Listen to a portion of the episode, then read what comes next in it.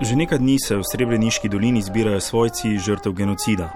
Danes gore popovdne so pokopali 71 na novo identificiranih moških in fantov. Najmlajša danes pokopana žrtev je bila tistega tragičnega poletja 1995 stara 16, najstarejši ubiti moški pa je imel 72 let. Skupaj je zdaj v spominskem parku v Potočarjih pri Srebrenici pokopanih 6579 posmrtnih ostankov od skupno več kot 8000 žrtev. Še vedno torej niso našli 1500 pogrešanih moških in fantov. Srebrenico sem obiskal pred dvema letoma. Pred vhodom v spominsko središče v Potočarjih sem nekaj ur preživel s Fazilo Efendič, ki ima trgovinico spominki in rožami. Med tisoči spomenikov čez cesto sta dva, ki Fazilo še posebej bolita. Žrtvi srebreniškega pokola sta bila namreč tudi njena mož in sin. Rodila sem sina in hčerko. Sina Fejza so ubili, ko ni imel še niti 20 let. V genocidu je izginil tudi moj mož. Ostala sem sama s hčerko. Takrat je bila stara 15 let. Odšli sva v svet, borice za obstanek. Glavni cilj mi je bil, da hčerka konča šolanje. Doštudirala je, se poročila, danes imam tri vnuke. Radujem se njima, dolasku njihovom. Eto, Možete opisati to v Julu? Fazila podrobno opiše dogajanje julija 1995. Haotično, haotično stanje bilo. Panika. Kaotično je bilo, panika, otroci so jokali, moški in fantje so odšli čez hribe v smrt.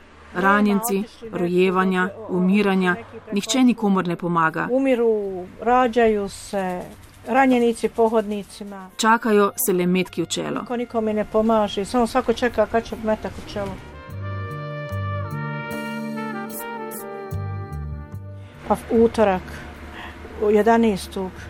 popodne v 2 sata. Hišo smo zapustili v torek 11. julija 1995 popovdne ob dveh. Na pragu sem se poslovila od sina in moža. Ko sem stopila na glavno ulico in videla, koliko je moških, sem se vrnila k sinu in mu rekla, naj gre raje z mano, da ga bom že nekako zaščitila. Ni želel. Rekel je, nisem ženska. Odšli so proti Tuzli, a kmalo naleteli na barikade. Vse so pobili. Da će biti zaštićeni, da traži pomoć od Umprofura. Međutim, nikad nikakve pomoć nije bilo. Po, po ubijani, svi su ubijeni.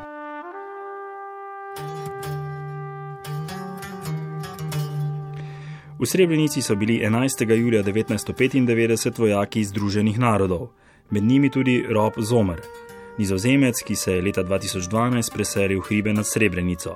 Tam obračunava s preteklostjo in predvsem sam seboj. try to give the older people water and, and uh, look for, for dead people, for ill people. Delili smo jim vodo, iskali mrtve, bolne med njimi. Ko smo našli kakega obolelega, smo ga prepeljali v našo prirejeno bolnišnico. To je bilo naše delo. Časa za pogovore ni bilo. Bilo je zelo stresno. Starejši ljudje so imeli številne zdravstvene težave. Enkrat sem ob vstopu v halo videl mamico z dojenčkom, ki je bil videti zares slabo. Vzel sem dojenčka in ga skušal čim prej odnesti v bolnico, ki je bila oddaljena le nekaj sto metrov. Žal je na poti dojenček umrl. Zdravnik je le še potrdil njegovo smrt. and uh, bring it to hospital to help.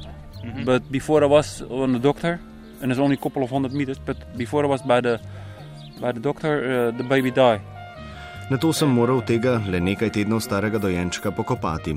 Tudi to je bilo moje delo. Na robu baze smo skopali ogromno luknjo, saj smo pričakovali skoraj 30 tisoč ljudi in seveda smo vedeli, da bodo ljudje tudi umirali. Ko je kdo umrl, smo ga z vsem spoštovanjem položili v to veliko luknjo in prekrili s peskom. Ko so 12. julija 1995 vsi ljudje odšli, smo to ogromno luknjo zakopali. Postala je grob petih ljudi. Ko sem tja pokopal dojenčka, v njem nisem vedel nič, ne imena, starosti, nič. 20 let sem razmišljal o tem. Pred enim letom sem slišal, da so našli grob, posmrtne ostanke izkopali ter jih položili v spominski grob. Veliko sem razmišljal o tem, a nisem zbral poguma, da bi šel tja. Pred tremi tedni pa sem odšel v spominski park, zaposlenim je pokazal njegov grob. Pred dvema dnevoma sem kupil rožni venec in ga položil na njegov spomenik. Zdaj vem tudi dojenčkovo ime. Bila je Fatima. I, I buy this, and uh, I put it on a stone two days back. And now I know uh, what is the name of the, the child. It's, it's Fatima. Rob Zomer je imel poleti 1995 26 let. Pravi, da s svojim nizozemskim poveljnikom ni imel stikov. Ne obtožuje ga za neodločnost, niti za nenavadno podrejeno pogajanje z Radkom Mladičem. No, nizozemsko pritožbeno sodišče je pred dnevi potrdilo, da je država delno odgovorna za smrt okoli 300 bošnjakov, ki so bili ubiti v genocidu v Srebrenici julija 1995. Prvostopensko sodišče je v civilnem procesu že leta 2014 odgovornost pripisalo nizozemski. A to je seveda prepozno. Poleg tega večina srpske politike še vedno ne priznava, da je bil v Srebrenici izvršen genocid. Še več, novi župan Srebrenice, ki je srpske narodnosti, je v mestu nekaj dni pred današnjo komemoracijo načrtoval celo promocijo knjige z naslovom Srebrenica, laž in spletka proti srpskemu narodu, ki brani lik in delo Radka Mladiča. Nekdanja svetovalka haške tužilke Florence Artman se je osebno večkrat srečala tako z Miloševičem, Karadžičem kot Mladičem. Pozna vsako podrobnost obtožnic. Su, su ljudi koji su ove, se uhvatili za, za vlasti. To so ljudje, ki ne dojamejo, da so uničili državo, ljudi, družine in ki bodo zločine ponavljali. Morda ne v takem obsegu, kakršnega so imeli zločini, zaradi katerih so potekali nirnberški procesi po drugi svetovni vojni, a gre za enake zločine. Zato je take ljudi vselej treba postaviti pred sodišče in jih soočiti z realnostjo, ki je sami niso sposobni doumeti. Zločini ne smejo ostati nekaznovani. Ne le zaradi žrtev, pač pa tudi zato, ker ti ljudje ničesar ne dojamejo, če jim ne grozimo s kaznijo. Resnici na ljubo ne dojamejo niti takrat, a treba je stigmatizirati zločin, da je sram storilce, ne pa žrtve. Zdaj pa je sram žrtve.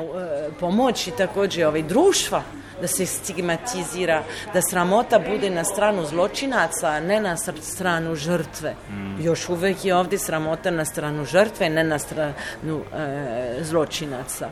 Pred meseci je bil nedeljski gost Vala 202 sarajevski pravnik Amor Mašovič, ki vodi inštitut za pogrešane ljudi v Bosni in Hercegovini. Od konca vojne so skupaj s sodelavci odkrili številna množična grobišča, tudi srebreniške žrtve. Nismo ništa naučili, dakle svet apsolutno ništa nije naučio iz događaja u Bosni, na Kosovu. Ničesar se nismo naučili. Leta 2004 sem v Stokholmu sodeloval na konferenci o preprečevanju genocida. Takratni generalni sekretar Združenih narodov Kofi Annan je jasno povedal, da ni nikakršne garancije, da se Srebrenica ne more ponoviti. Bojim se, da bomo priče še številnim Irakom, Sirijam, Libijam in Jemnom. Medtem ko se midva pogovarjava, iz ruševin vlečejo otroke in mrtve.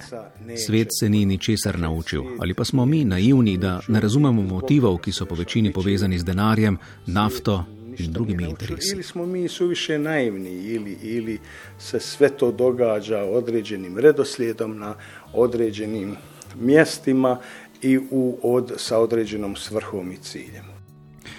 Vseeno končajmo vsaj malo optimistično. Fazila Fendič se je na kljub izgubi sina in moža pred leti vrnila v Srebrenico.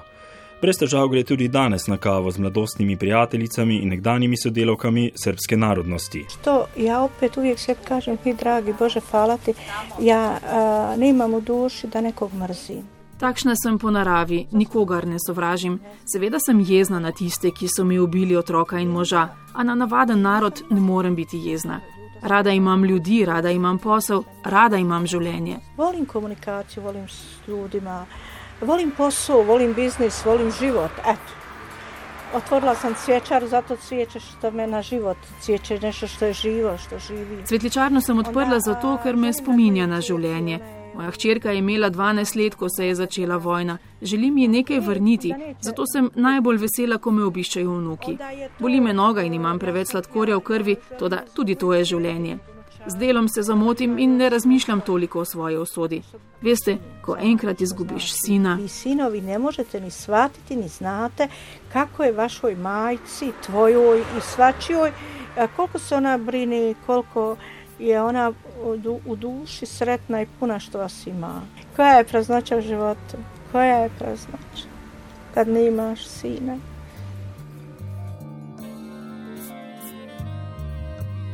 Nepopravljiva optimistka, srebreniška mati Fazila Efendič verjame, da se bo čez 20 let v Srebrenici živelo lepše in bolje.